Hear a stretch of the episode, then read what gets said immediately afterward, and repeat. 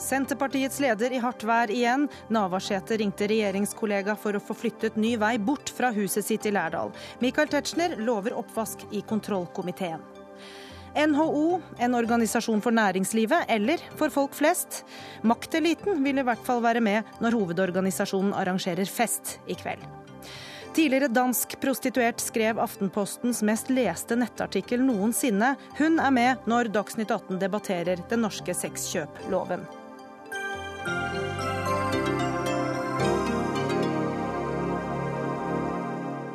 Det er menyen i Dagsnytt 18 denne onsdagen, hvor vi også får besøk av Christian Tybring-Gjedde, som utdyper hvorfor han slutter som fylkesleder i protest mot ukultur i partiet. Jeg heter Gry Blekastad Almås.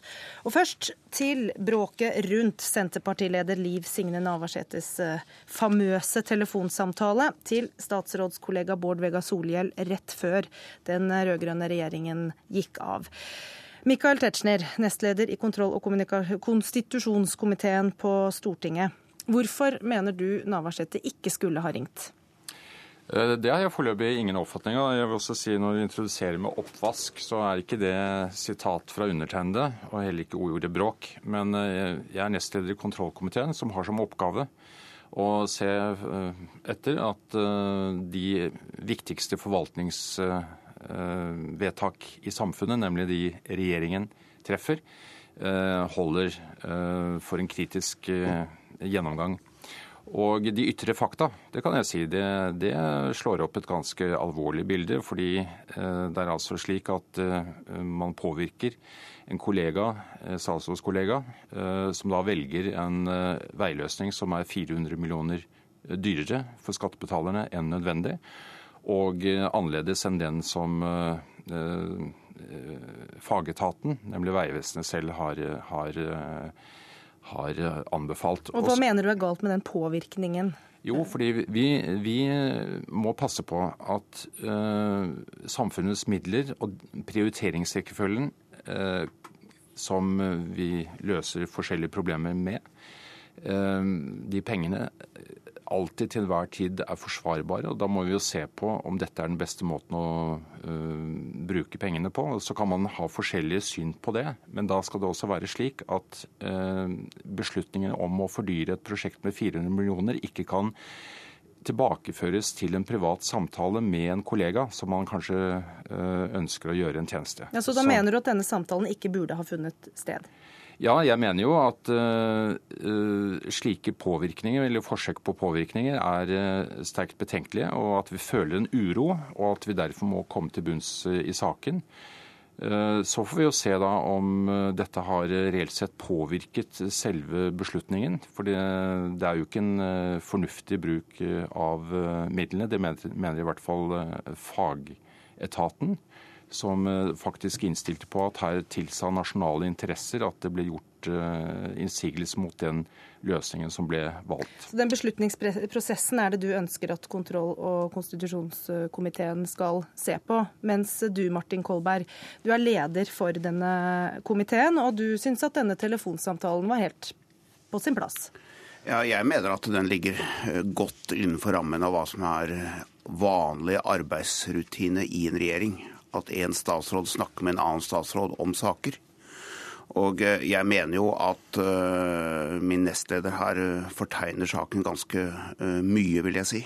Ja, hva er ditt bilde Fordi, av saken? Bildet av saken er jo det at alt har gått helt korrekt for seg. Kommunestyret i Lærdal har enstemmig bedt om at det skulle bli en tunnel istedenfor en vei, som, altså utenfor tunnelen. Og det var også Miljøverndepartementets standpunkt. Og jeg har full tillit til at daværende miljøvernminister Solhjell traff en avgjørelse på et helt saklig og riktig grunnlag i henhold til de bestemmelser og fullmakter som Miljøverndepartementet har. Men når Navarsetes eh, ektemann, som satt i dette kommunestyret, eh, var inhabil i behandlingen, eh, ville det ikke vært naturlig om også Navarsete ikke blandet seg inn i saken? Han var inhabil i de perioder av denne behandlingen hvor det var en aktuell trasé som krysset hans eiendom. Men han var jo ikke inhabil i sin alminnelighet, og hun er jo ikke inhabil i henhold til for, for, for, for, habilitetsreglene heller. Men hadde det vært klokere av henne å holde seg un, eh, unna? det å snakke om hva som er klokt eller ikke klokt, er en diskusjon.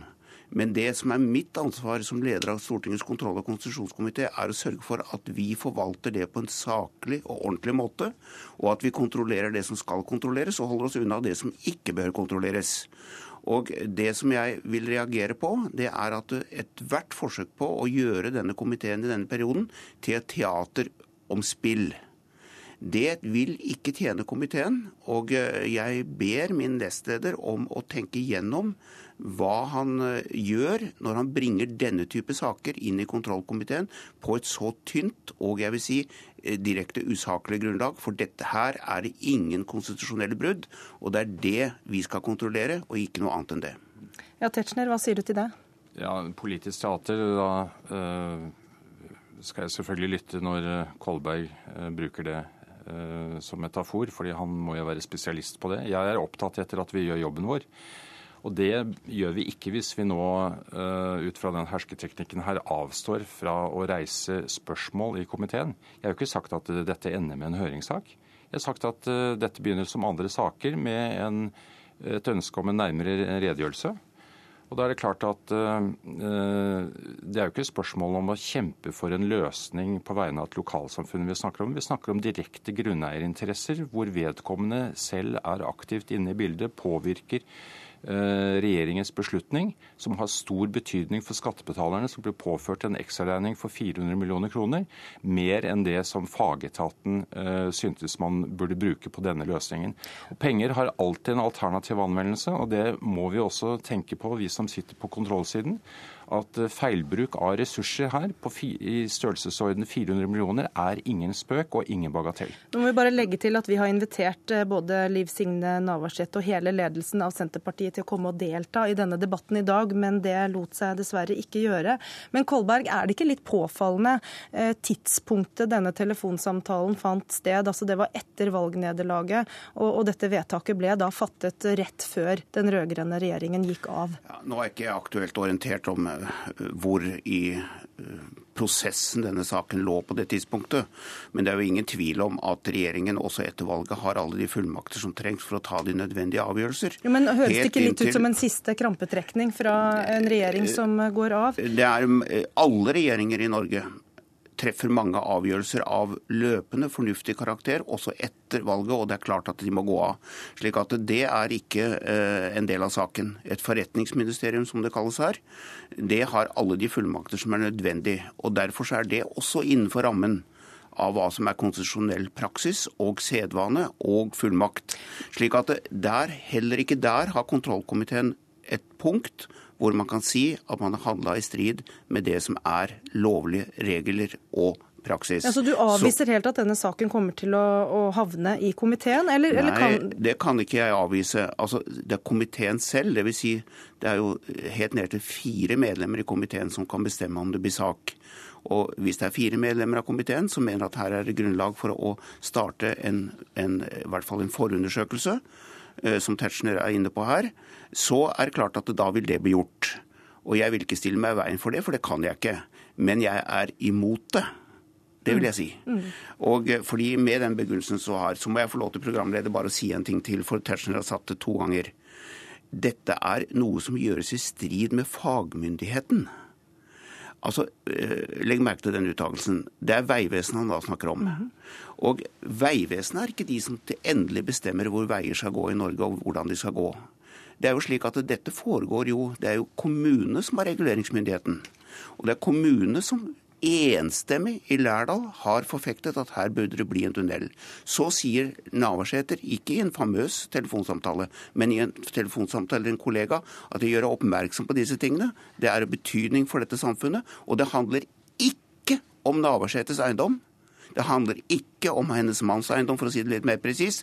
Det handler om lokalsamfunnets eh, ve og vel i lang framtid. Og der har Navarsete gjort sitt, og det finnes masse eksempler på at statsråder og stortingsrepresentanter gjør det samme. Da skal Michael Tetzschner få svare, svare, på det. Blander du korta litt her? Nei, overhodet ikke. For det første, så uten å ha gått inn i saken, så, så fastslår eh, Kolberg at det ikke er begått inhabilitetsbrudd. Det vet vi ikke. For det første så går det på den rene grunneierinteresse, som er den sterke bestemmelsen i forvaltningsloven når det gjelder inhabilitet. Men dernest så mener jeg at hele dagens oppmerksomhet rundt saken også viser at dette vedtaket er egnet til ikke å gi tillit til at forvaltningen har, eller at uh, altså Solhjell har truffet beslutningen på et saklig grunnlag. Så, og Dermed så har vi en inhabilitetssituasjon som vi må få en løsning på. Og, neste, og da, er det, ja. da, er det, mye her som tyder på at dette er en sak vi får høre mer om. Eh, tusen takk skal dere to ha. Vi har nemlig fått Rude Behr inn i studio her, som er kommentator i eh, avisa Nasjonen. Eh, aller først, eh, hvor alvorlig er denne saken? Jeg tror ikke den er så alvorlig konstitusjonelt. Jeg, ut fra hva jeg har hørt og lest i dag, så tror jeg de, altså det er riktig at det er vanlig politikk, vanlig praksis, at statsråder snakker sammen og gir hverandre sin mening. Navarsete har også vært folkevalgt. Hun, det er helt normalt å snakke for sine lokale, sine velgeres interesser. Men er dette da alvorlig for Navarsete? Ikke egentlig syns jeg dette er så alvorlig. Det blir brukt. Men altså, og det med inhabiliteten, at mannen hennes er inhabil Han satt i det kommunestyret som skulle avgjøre det. Navarsete skulle ikke avgjøre det. Så det er to helt forskjellige eh, spørsmål om inhabilitet, eh, mener jeg. Men altså det som jo skjer rundt Navarsete, er jo Det blir, har vært mye bråk rundt henne i det, i det siste, og over lang tid. Og så kan man si er hun blitt hakkekylling? Er det noe mediene Hver gang det er noe med henne, så uh, kaster vi oss over henne. Hun er nok blitt litt hakkekylling, sånn er det dessverre i politikken. Men dette er ikke medieskapt. Det er strid i Senterpartiet, det er splid, det er uenighet om hun er en god leder. Det kom frem etter uh, evalueringsrapporten, bl.a. Men hvis denne saken ikke egentlig er så alvorlig, da hvorfor dukker den i det hele tatt opp, tror du? Nei, det er, vet du hva, Jeg tror det er en klassisk eh, sånn sentrums-periferie-konflikt her også. Oslo-politikere og andre storbypolitikere er kronisk irritert over at det går så mye penger til tunneler og broer som ikke har såkalt samfunnsøkonomisk eh, nytte på nasjonalt sett. Og dette er nok et sånt eksempel. Og så syns selvfølgelig den blå-blå regjeringen at det er litt ergerlig å få denne, denne utgiftsposten eh, kastet etter seg. Mm. I, I, siste liten. De, de, ville antageligvis aldri gått inn for det. og De har mye annet de vil bruke pengene sine på. Så, og det tilsvarer liksom akkurat et, et kutt i en, en, regionale utviklingsmidler som denne regjeringen har gjort. Så det, det er også 400 millioner. Så det er litt andre, er litt andre konflikter som Flere konflikter som møtes her, syns jeg. Men du er inne på, på, det, eh, og flere ordførere i Senterpartiet ja. går jo ut i dag og ja. ønsker å bytte ut Navarsete ja. som leder. Hun skal etter planen sitte i en god stund til. Eh, men de ønsker å få fortgang i en, en prosess der.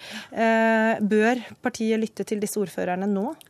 Jeg tror ikke, ikke nødvendigvis for det som har skjedd nå i dag og i går.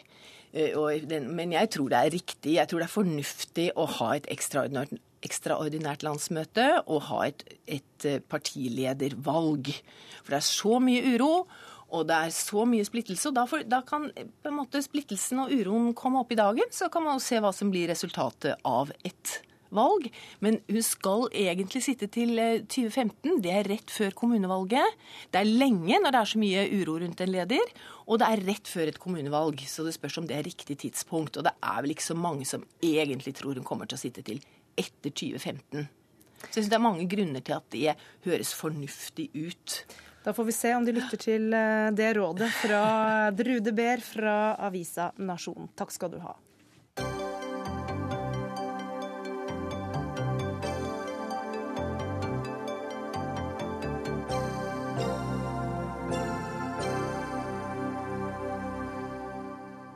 Næringslivets hovedorganisasjon holder i dag sin store årskonferanse med fest i kveld, der eh, alle med respekt for seg selv er til stede, eh, i hvert fall i makteliten. Eh, dette skrev du litt om i en kommentar i går, eh, økonomiredaktør i Aftenposten Ola Storeng. Eh, vil du si NHO gjør en bedre jobb som festarrangør enn som en interesseorganisasjon for næringslivet? Ja, det skal i hvert fall være en god interesseorganisasjon for å, for å matche den jobben du gjør som eventarrangør, men de to tingene henger jo sammen. Og det er, jo, det er jo et eh, arrangement som er utrolig suksessrikt, som samler da hele, hele makteliten. Og det er nærmest blitt slik at uh, det er skapt et inntrykk at det er til NHO man går når man skal diskutere de brede samfunnsspørsmålene. Uh, og da, da, er det jo lett å glemme at også en interesseorganisasjon. Eh, men det gjør det jo ikke til en mindre effektiv interesseorganisasjon. Ja, De brede spørsmålene, sier du. Sofie Mathiassen, politisk redaktør i Dagens Næringsliv. Du mener at NHO favner for bredt, og dermed taper innflytelse. Forklar det. NHO har i det siste vært ute og ønsket seg eh, skattelettelser i, lettelser i bedriftsbeskatningen, lettelser i formuesbeskatningen, mer til vei og jernbane, mer til utdannelse. De har sågar klart å ønske seg både høyere importvern og friere handel. Og da man litt, eh, blir man litt utydelig, og da mister man poenget. Men det viktigste er at NHO ikke ivaretar sin gamle oppgave om å beskytte, om å passe på at økonomien ikke blir overopphetet. I dag så var både Brandtzæg og Helge Lund ute og sa det viktigste er at vi ikke får høyere kostnadsnivå. Og hvis NHO får gjennomslag for alt det de har bedt om de siste ukene, så får de et høyere lønnsnivå.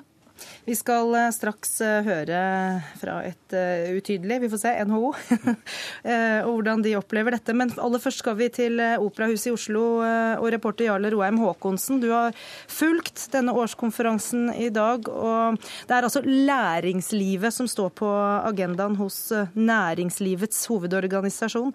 Hvordan har skole og utdanning preget dagen i dag? Den har preget eh, hele dagen eh, inne i salen iallfall. 1276 eh, mennesker kunne jo ikke gjøre annet enn å følge med på alle som snakket om skoleutdanning. Her ute i foajeen, hvor de nå rigger til fest, så har det sikkert vært snakk om et og annet annet tema også, antar jeg. fordi det er jo også uvant for de som kommer hit at det er kanskje skole og utdanning som var eneste tema i dag. Men det har jo Kristin Skogen Lund et godt svar på, vil mange si. Det er ikke vanskelig å skjønne for noen at eh, skole og studier jo er noe av det viktigste for Bedrifts-Norge eh, og lønnsomhet. At det kommer gode folk ut av skolen og inn i arbeidslivet. Men denne kritikken som kommer fram her, da, et utydelig NHO som ikke gjør den jobben de er satt til å gjøre, eh, har det preget dagen på noen måte? Ikke så veldig tydelig, men også vi her ute som vaket rundt sammen med mange, har jo sett at det, det er klart at medlemsbedriftene og organisasjonene i NHO er jo også redd for det som nevnes nevnes fra eh, Mathisen her, at det er et, eh, kan si, et magamål som kanskje ikke har vært eh, stort nok. og Det har jo vært ymtet frampå at noe av dette var jo kontrollert PR-framstøt inn mot dette evenementet, som jo er det store startskuddet for politiske året. Men noe, noe annet var litt uflaks at kom fram, slik at summen var ikke under kontroll for NHO. Og muligens at det har, det har vært en, en litt for ivrig strategi fra dem. Foreløpig takk til deg, eh, Petter Has Brubakk, eh, NHO-direktør for næringslivspolitikk. Velkommen. Takk. Eh, ja, eh, ikke bare har dere fått bort eh, arveavgiften og redusert formuesskatten. Dere vil ha skattelettelser for næringslivet og lanserer altså utdanning som den nye kampsaken. Er det en litt for lang ønskeliste dere kommer med? Nei, jeg tror ikke det, for den henger godt sammen med det som er NHOs hovedformål, nemlig å jobbe for konkurransekraften til de over 22 000 bedriftene som er medlem av NHO, og som er vår oppgave, og egentlig vår eneste oppgave, å ivareta interessene til de bedriftene. Og Det er en viktig del av norsk næringsliv som er medlem av NHO. og De er opptatt av eh, godt utdannet arbeidskraft, bl.a. for å kunne tilby jobber og ha den kompetansen som trengs for å også forsvare det høye kostnadsnivået vi har i Norge, men de er også opptatt av å ha en eh, god infrastruktur, altså veier og jernbane, som bidrar til å senke kostnadene og gjøre det enklere å eksportere de produktene vi har. Og de er opptatt av et skattenivå som er konkurransedyktig i forhold til de landene vi konkurrerer med. Så jeg mener dette henger godt sammen. Ja, Det henger sammen, og jeg kan skjønne de argumentene, men kan det bli for mye totalt? Kan det svekke det enkelte krav at man eh, vier ut og, og, og gjør eh, NHO så bredt, da? Jeg tror det ligger litt i en moderne og kompleks verdens natur er at det er mange spørsmål som er viktige for bedriftenes konkurransekraft. Å gjøre det for smalt og for ensidig tror jeg vil eh, i det lange løp virke mot sin hensikt, og istedenfor bidra til at man blir mindre relevant. Jeg tror det er viktig å adressere alle de spørsmålene som betyr noe for konkurransekraften.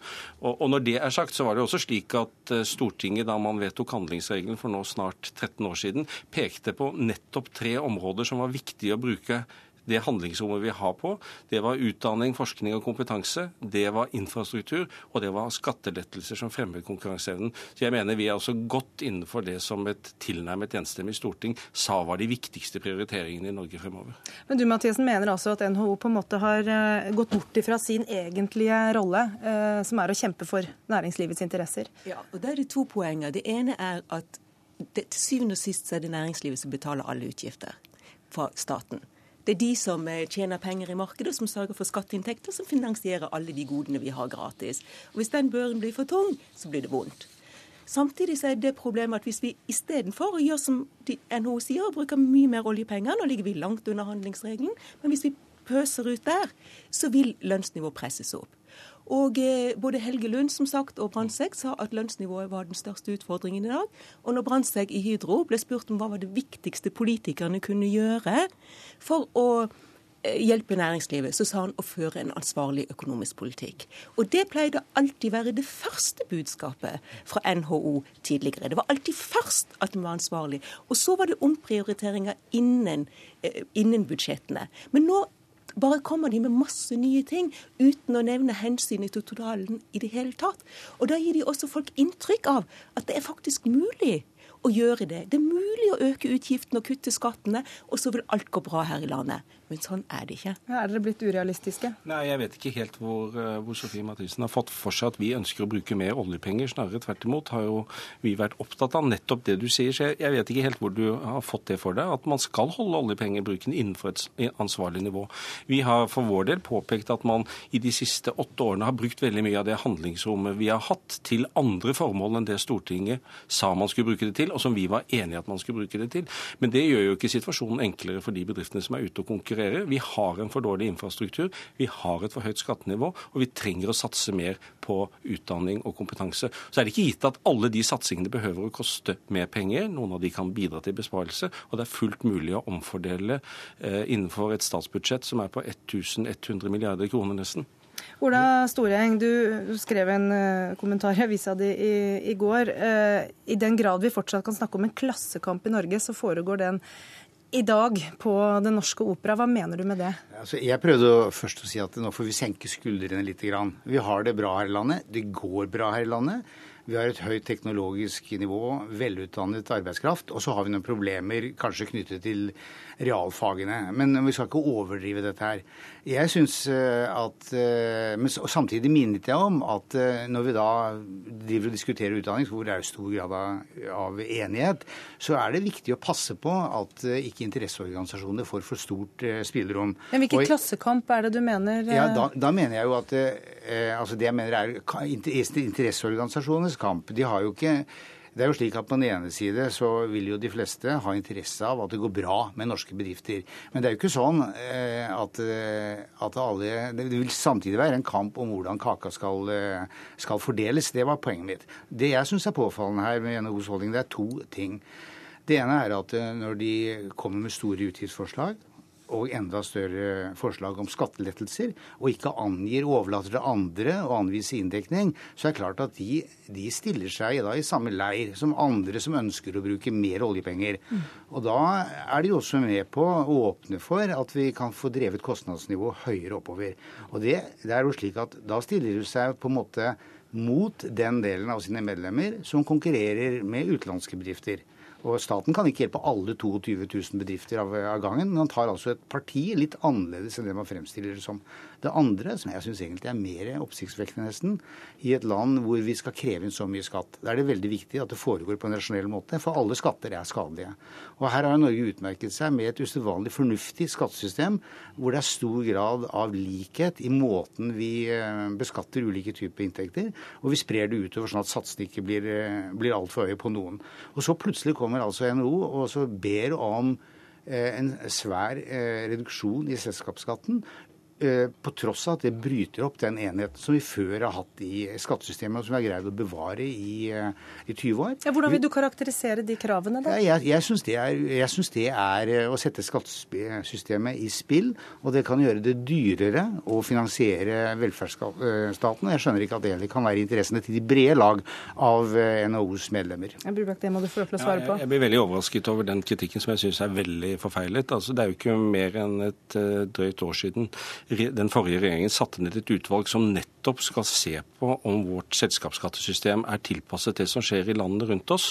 Det er det ikke, fordi de fleste landene som vi konkurrerer mot, har nå senket selskapsskatten sin kraftig, eller er på vei mot å gjennomføre kraftige selskapsskattereduksjoner, hvis ikke vi følger med på den utviklingen, men istedenfor tviholder på vårt system, som jeg er helt enig i var utmerket da det kom tidlig på 1990-tallet, men tviholder på at slik skal det være for all fremtid, så vil vi jo risikere at vi mister disse skatteinntektene, ikke fordi vi reduserer skatten, men fordi aktiviteten som gir grunnlag for inntektene, blir borte.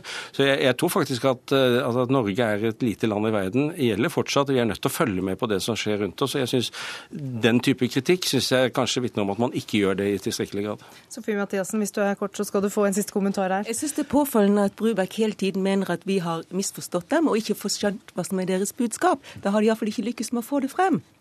Eller du har valgt å være veldig vang når du prøver å forstå hva vi sier. Det, det påfallende er jo at NHO okay. trekker konklusjoner før utredningene er ferdig, og de legger seg på et helt spesielt sted. Vi skal holde litt på NHO-tråden en stund til, men jeg sier tusen takk til eh, dere tre. Jeg tar en uh, liten tur tilbake til Operaen og Jarle Roheim Haakonsen mens vi får et sceneskifte her i studio.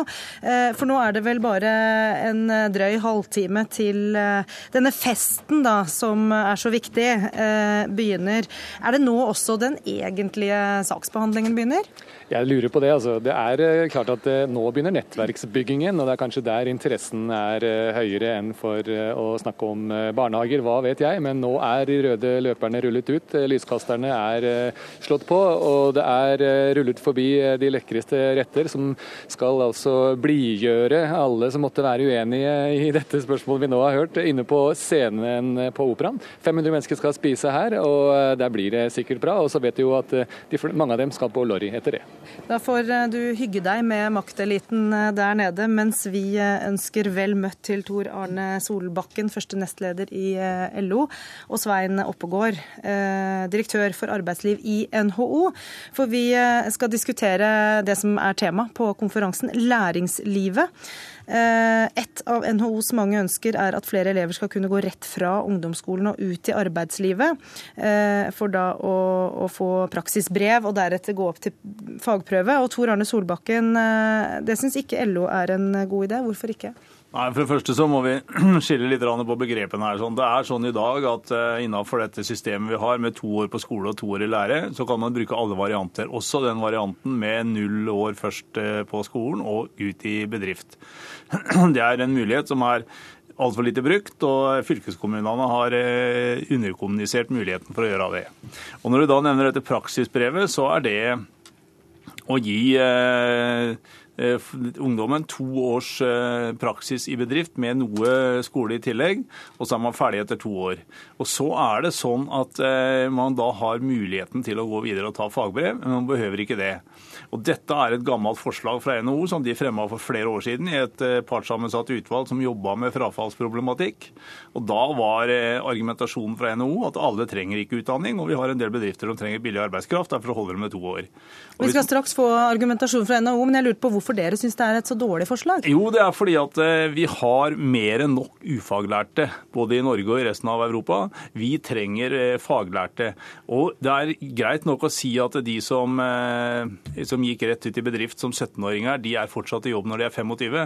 Men er de i jobb når de er 55? Og da snakker jeg ikke om de som er 55 i dag, men som er 17 i dag og ikke får utdanning. Klarer de å holde seg på den karusellen som arbeidslivet er, som går fortere og fortere rundt, når de må ha etterutdanning og greier, og ikke har noe i bånn? Det kommer ikke til å gå. Derfor er dette et farlig forslag. Det er ikke bare et dårlig forslag, det er et farlig forslag både for norsk ungdom og for norsk næringsliv. Ja, hvorfor eh, vil man ikke heller ha en ambisjon om å utdanne flest eh, høyest mulig, Svein Oppgaard? Jo, men vi har en ambisjon om et eh, velutdannet arbeidsliv og et velutdannede arbeidstakere. Men dette er erfaringen vi har nå fra Reform 94. Den bygger på et tosporsystem. Enten så går du på videregående, eller så begynner du i en fagopplæringsløp. Vi ser jo at det er noen mennesker som ikke passer inn i det løpet. Og vi vet hvilken tragedie det er for den enkelte og for samfunnet at disse ikke kommer i jobb eller ikke kommer i utdanning. Derfor så peker vi på denne tredje muligheten. Og all erfaring viser at det er noen som er innmari lei skolen. Det er noen som ikke gidder å gå på skolen, som ikke har lyst. De har lyst til å begynne å jobbe. Vi mener at de må få en mulighet, de også. Og da har vi introdusert denne muligheten til å kunne begynne rett i bedrift som 16-åring. Så kan du selvfølgelig ta et lærlingløp etterpå. Du kan bli fagarbeider. Du har jo alle valgmulighetene. Men det verste som kan skje, er at folk forsvinner ut, verken i arbeidslivet eller, eller på skole. Det er, Men er det ikke, er det ikke et stort problem ved dette forslaget? Er det ikke vanskelig å få plasser til eh, skoleelever ja, vi, som ikke har noen uh, utdannelse og noen fagkunnskaper? Nei, vi har jo, dette har vi selvfølgelig diskutert med våre medlemmer, og vi vet godt at vi kan dimensjonere dette opp mot la oss si 5000 plasser uh, på årsbasis. Så finnes den muligheten til stede. Vi ønsker jo selvfølgelig at flest mulig skal begynne i lære, ta sitt fagbrev og bli dyktige fagarbeidere. Selvfølgelig ønsker vi det, men denne muligheten ser vi fortsatt som en tredje vei. Og det er en mye mer moderne måte å se det på enn å holde fast ved den den gamle Reform 94, som selv Gudmund Harnes på årskonferansen har sagt at dette var et spennende forslag, har han kommentert til NHO. Ja, Muligheten fins. Hvorfor skal man ikke da prøve den ut, Solbakken? Jo, den, den, prøves ut fordi at muligheten fins i dag for de som er i den målgruppen. Altså de som for så vidt har forutsetninger for å kunne ta et fagbrev, men som av ulike grunner er i en eh, situasjon i livet som gjør at det ikke funker. Og Det har vi prøvd ut. Og tett oppfølging får de menneskene. De ungdommene får veldig tett oppfølging, og de klarer seg bra. Veldig flott. Det er vi helt enige om, det tiltaket. Det NHO nå gjør, det er at de skal gjøre dette til et søkbart alternativ. Du er altså tilbake til det som var plandeling av ungdomsskolen, der sånne som eh, undertegnede eh, kunne velge veldig lave kursplaner for å slippe litt billigere gjennom løpet. Det er det man åpner for hvis man gjør dette søkbart. Det er et godt alternativ for målgruppen. Det er livsfarlig å gjøre søkbart. og Vi må sørge for at de som begynner der, også kommer ut med alle fire år åra og med fagbrev i eh, den andre enden. Bare på den måten kan vi sikre at de blir i arbeidslivet. Setter man latskap i systemet her, er det det Nei, som skjer, eller? Definitivt ikke. Dette er en redningsplanke, som en av våre medlemsbedrifter kalte det. En redningsplanke for de som ikke har noe alternativ, og som ikke vil gjøre noe annet. Det å komme i arbeid. Man skal ikke undervurdere betydning av læring i arbeid også, så dette er et unntak, det er ikke hovedregelen. Vi mener dette er et godt forslag, og vi ønsker å utvikle dette sammen med myndighetene. Ja, Er ikke det et poeng å gi gode alternativer til jo, de som allikevel faller ut, og kanskje dermed jo, faller mellom alle stoler? Ja, det er det vi, der For det første så har de altså muligheten til å gå ut i et ordinært ordinært fagbrevløp med å starte direkte i bedrift. De kan gå ett år på skolen og så gå i bedrift. Det har vi sett eksempler på i, eh, på konferansen i dag. Og vi har det praksisbrevet for de som trenger veldig tett oppfølging og helt spesielle ordninger. Og de får også et fagbrev når man gjør det på den måten. NHO er de eneste som vil gjøre dette søkbart. Det ligger i Stortinget, er behandla i Stortinget nå. Stortinget har sagt at vi skal ha det i alle fylker, men det skal ikke være søkbart. Det skal være et målretta tiltak for den vesle gruppa som dette er mest aktuelt for. Men det de gjør nå, de skal gjøre det søkbart å skaffe seg mer billig arbeidskraft. Det vil ikke LO. Nei, dette er, et, dette er en redningsplanke for individet. Dette er ikke ment å lage noe B-lag i, arbeidslivet i det hele tatt. Dette må vi kunne si at må være et forsøk på å få alle i arbeid. For vi ser jo hvordan frafallsprosenten er for de som øh, begynner på videregående og som ikke vil fortsette der. Det er det vi forsøker å unngå. En redningsplanke som myndighetene bør si ja til. Jeg tror ikke vi blir øh, enige her i dag. Tusen takk, Tor Arne Solbakken og Svein Oppgaard.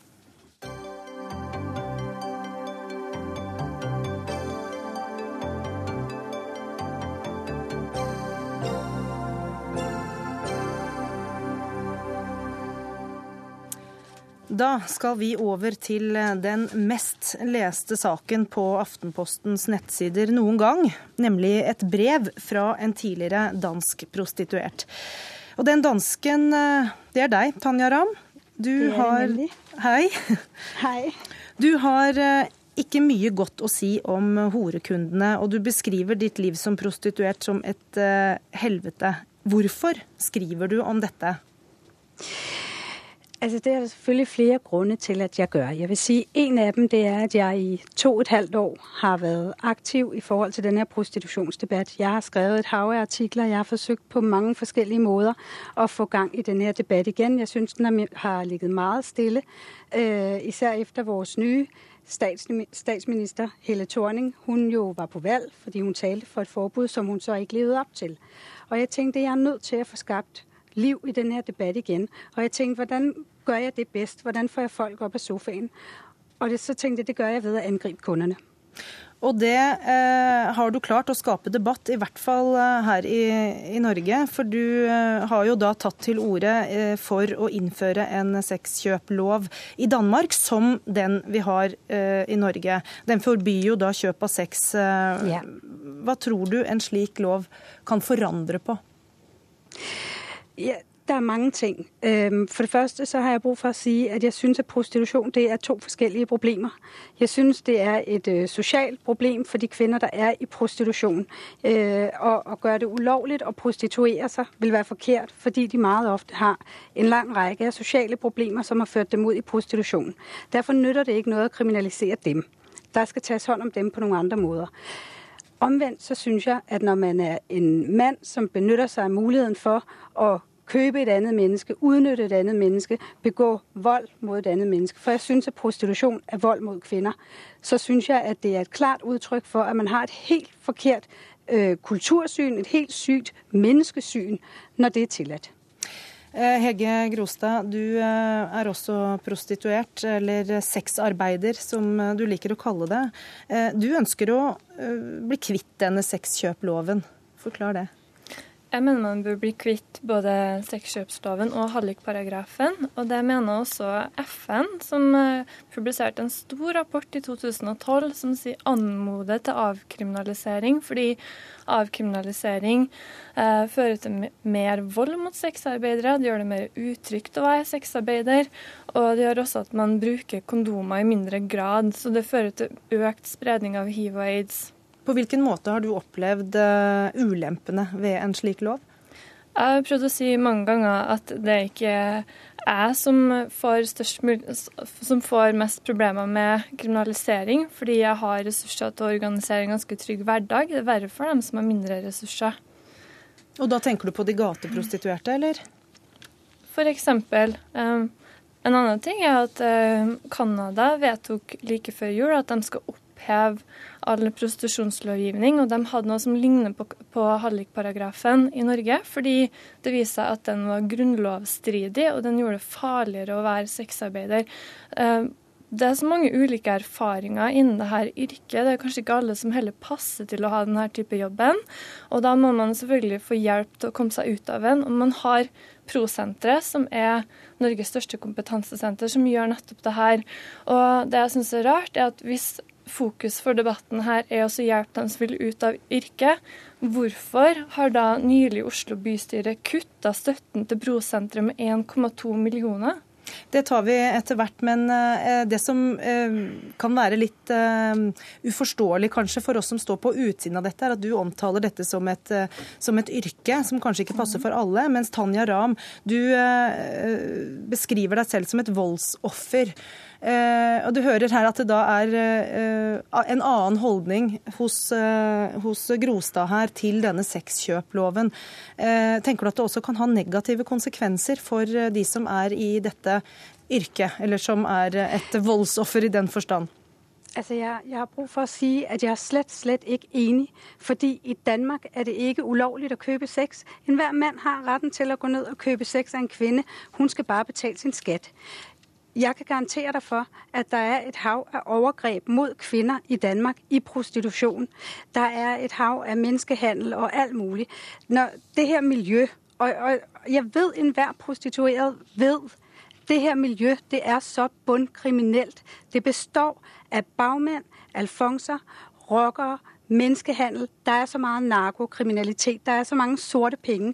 Jeg vet ikke, hvordan man tenker at man kan rydde opp i det her og gjøre det her til et trygt miljø for noen som helst. Jeg har også brug for å si at der er selvfølgelig meget stor forskel på å være gateprostituert, men, men den type kvinner har en, en helt annen problematikk som de, skal, som de selvfølgelig skal ha hjelp til å få behandlet.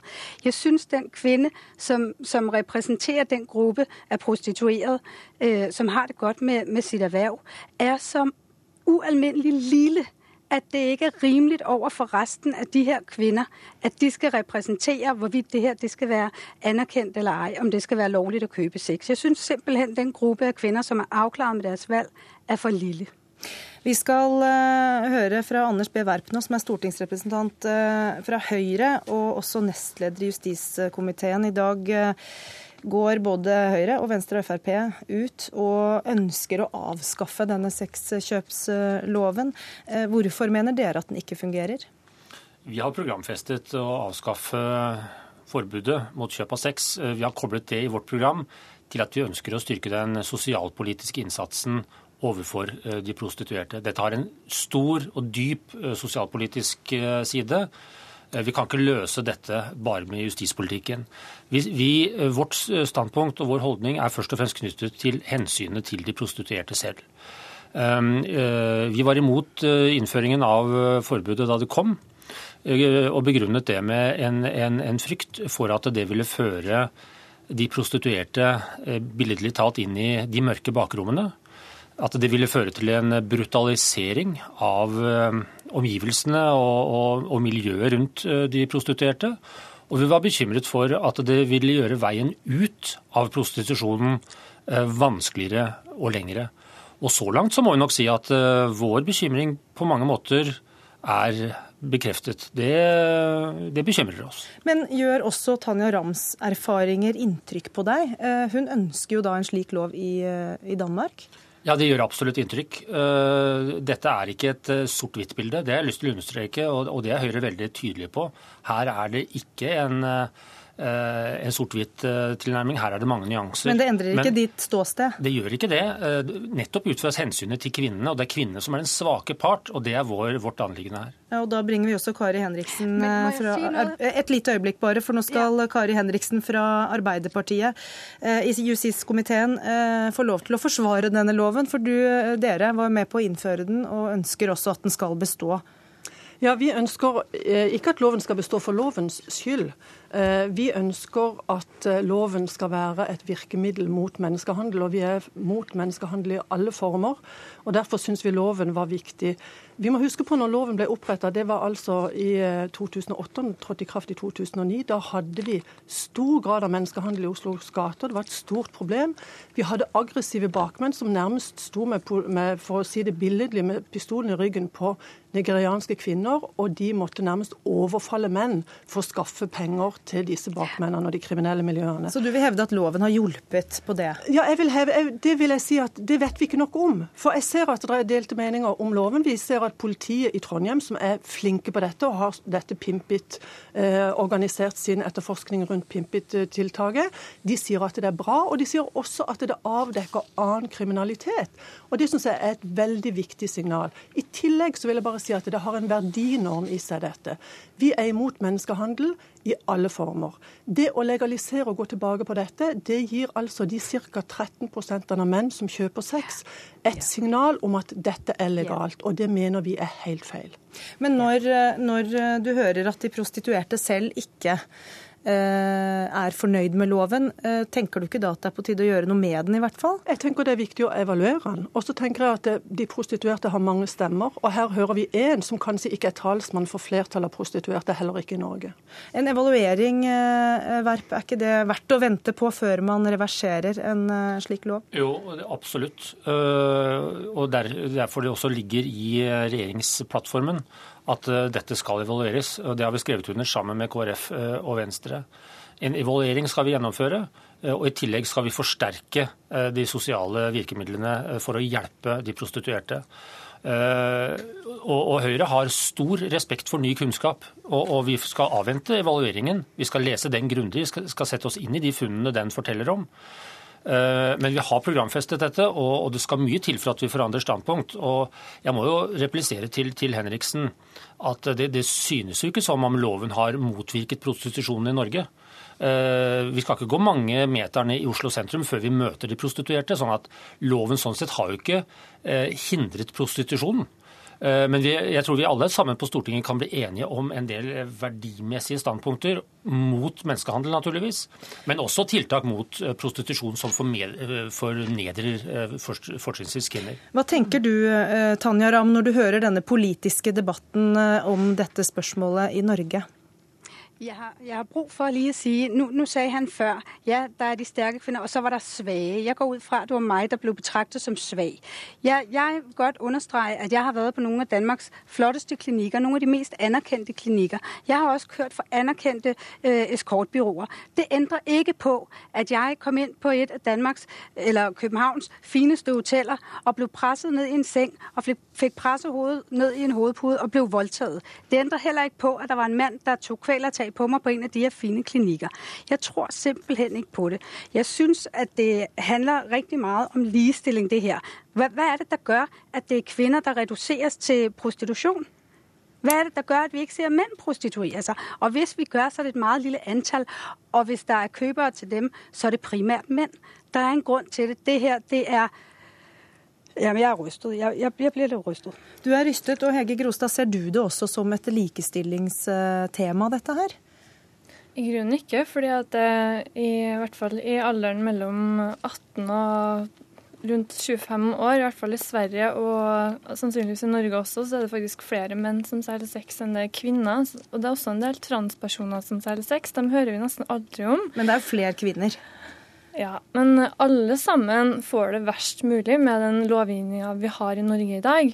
Og jeg vil bare få litt fakta på bordet når det gjelder menneskehandel. De siste ti årene så har vi 28 rettskraftige dommer knytta mot menneskehandel, og slettes ikke alle dommene har med sexarbeid å gjøre, men også med aupairjobbing, restaurantbransjen, byggebransjen og en rekke andre bransjer som er enten dårlig regulert eller delvis kriminalisert. Så um da skal eh, Henriksen få lov til å, svare på det, og det blir nok siste kommentar også i denne debatten. Ja, Først eh, så vil jeg bare si veldig kort til Høyre. De har to punkter i sitt program. og Det ene er mot sexloven. De sier ikke noe om evaluering. Og det andre er at de skal styrke politiets arbeid. Og så kutter de altså i Oslo til Pro-senteret. Så det er bare den saken. Når det gjelder eh, at det er andre yrkesgrupper som også er, eller andre grupper som også er utsatt for menneskehandel, så er det like galt. Altså, Det legaliserer ikke at en gruppe også er utsatt for menneskehandel. Og det er et internasjonalt voksende problem. Der er bare tre timer fra oss, så har vi altså mennesker i nød som blir brukt i en kynisk handel, hvor de må selge sex til eh, det europeiske markedet, og det er vi imot. Evaluering blir det i hvert fall av denne sexkjøpsloven. Takk til eh, Anders B. Werp, Kari Henriksen, Hege Grostad og til eh, Tanja Ram i Danmark, som vi også kan se i Debatten på NRK1 i morgen kveld.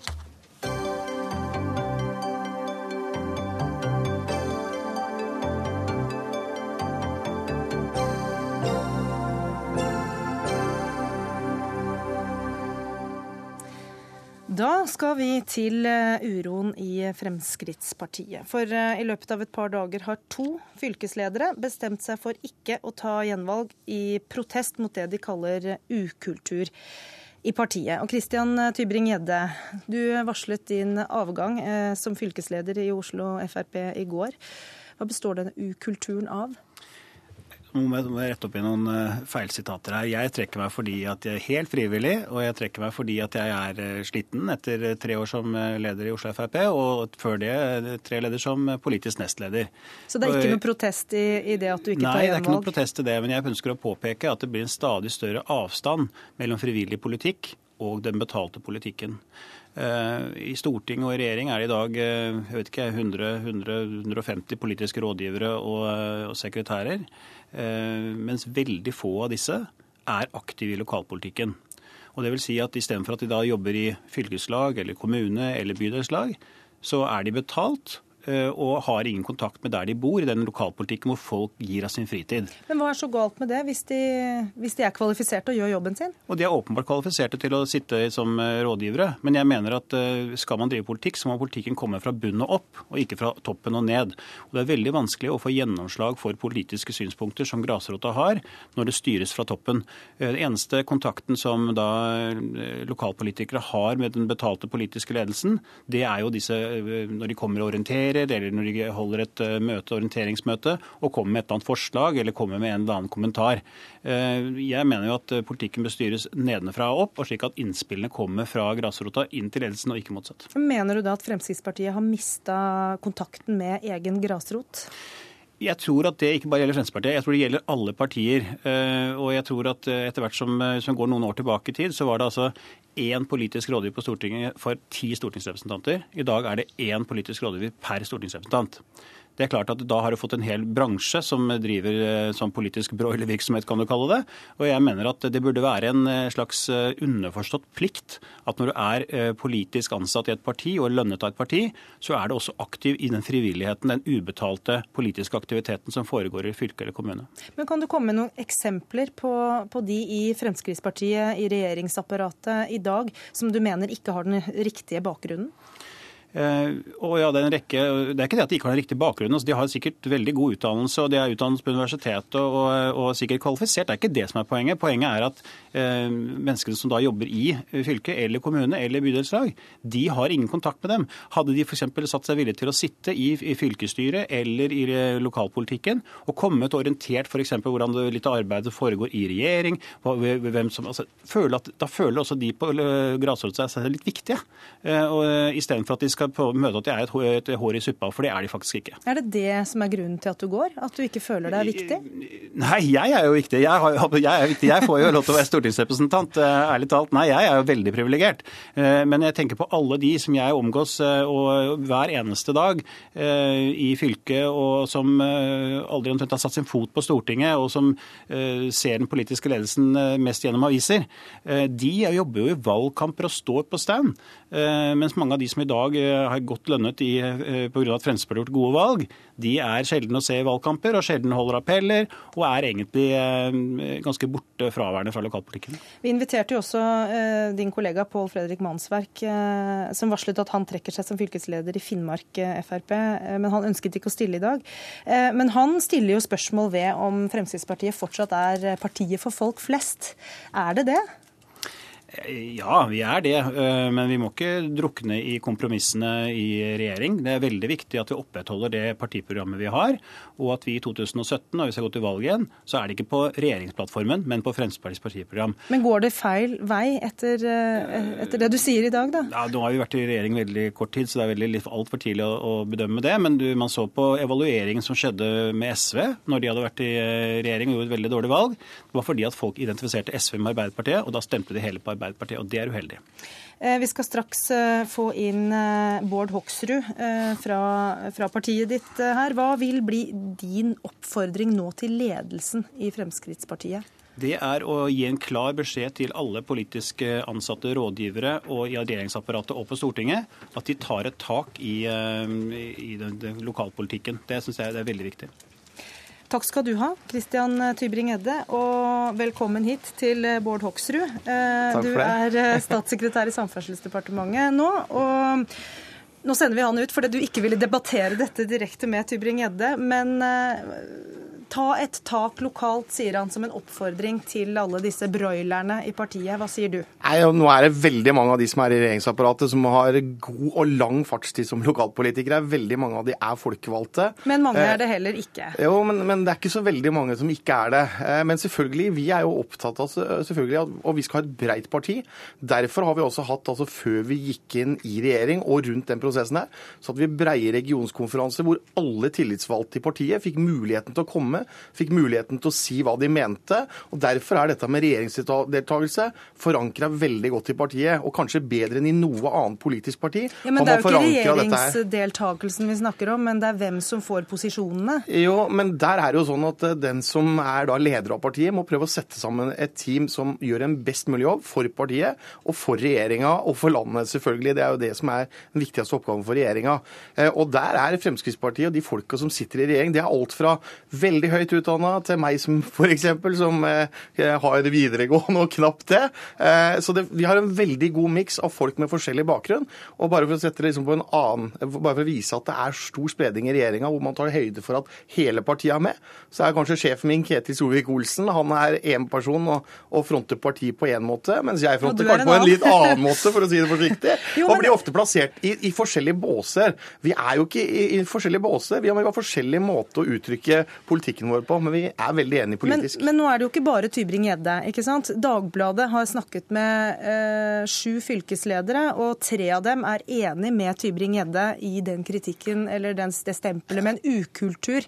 Er de helt på jordet, eller? Jeg mener i hvert fall definitivt at det ikke er noe ukultur. Jeg oppfatter at flere av de, de eh, fylkeslederne som såkalt blir, blir, tatt til inntekt for at det er eh, noe eh, rart i Fremskrittspartiet, de oppfatter jeg at de er ikke enig i det, og oppfatter ikke på den måten. Og Men Avviser dere denne kritikken helt og fullt? Tar altså, dere ikke det på alvor? Selvfølgelig tar vi alt på alvor. Det er viktig å lytte til folk på grasrota. Men det høres det ikke sånn ut? Jo, men det gjør vi. Altså, jeg reiser etter at jeg ble, kom inn i regjering, og mens jeg var stortingsrepresentant. Jeg har 20 år som lokalpolitiker. Jo, det er én ting er hva du har, men, men han påpeker at det er veldig mange nå som ikke har det, som kommer rett inn uten den kontakten med lokale grasrota. Jo, men det er der jeg sier at det er ikke så veldig mange som sitter i regjeringsapparatet når det er det man går på. Men hele poenget er at vi ønsker jo selvfølgelig at våre folk, enten de er ansatte i regjeringsapparat på Storting, eller hvor de er, så ønsker vi selvfølgelig at de skal delta i partiarbeidet og være aktive i partiet. Eh, og det, Derfor er også Fremskrittspartiet et bredt parti eh, med alle typer mennesker, og derfor er vi et parti for folk flest. Og det ønsker vi å fortsette å være, eh, og det er vi veldig opptatt av. Derfor er vi også opptatt av de gode prosessene, hvor man har brei forankring, hvor folk helt ned på grasrota skal kunne få lov å enkelt fått kontakt med Fremskrittspartiets tillitsvalgte oppover i systemet. Og jeg er i hvert fall veldig bevisst på å prøve å være tilgjengelig for alle som men, prøver men, å ta men kontakt. Men du hevder at dere fortsatt er partiet for folk flest, men dere er tydeligvis ikke partiet for egne fylkesledere akkurat nå, da? Jo, men nå er det jo sånn altså, at det er eh, januar og februar måned. Det er de månedene hvor Fremskrittspartiet har sine fylkesårsmøter. Det er helt naturlig at det er noen fylkesledere som trekker seg av. Eh, det skjer hvert år, og sånn skjer i alle andre politiske partier også, og alle andre organisasjoner. Når det er årsmøtetid Det er ikke protest er fra alle som trekker seg da? Nei, definitivt ikke. Altså, det, det, er jo det som er. Det er, det er altså nå to eh, fylkesledere. Det er Christian Tybring-Gjedde som har trukket seg og det er fylkeslederen i Finnmark som har trukket seg. Og det er to til som sier seg enig i kritikken om ukultur. Ja, men nei, det Ifølge Dagbladet. Ja, men det, og det er i hvert fall ikke de tilbakemeldingene vi får når vi får høre hva, hva det er. Opp, jeg opplever at det er kjempegod stemning, folk syns det er bra, men de er utålmodige. Og de er opptatt av at man skal passe på, vi skal passe på at hele bredden av partiet er godt forankra. Det føler vi også at vi ivaretar på en god måte. Takk skal du ha, Bård Hoksrud. Hva opplever du, Lars Nehru Sand? Du er politisk kommentator her i NRK.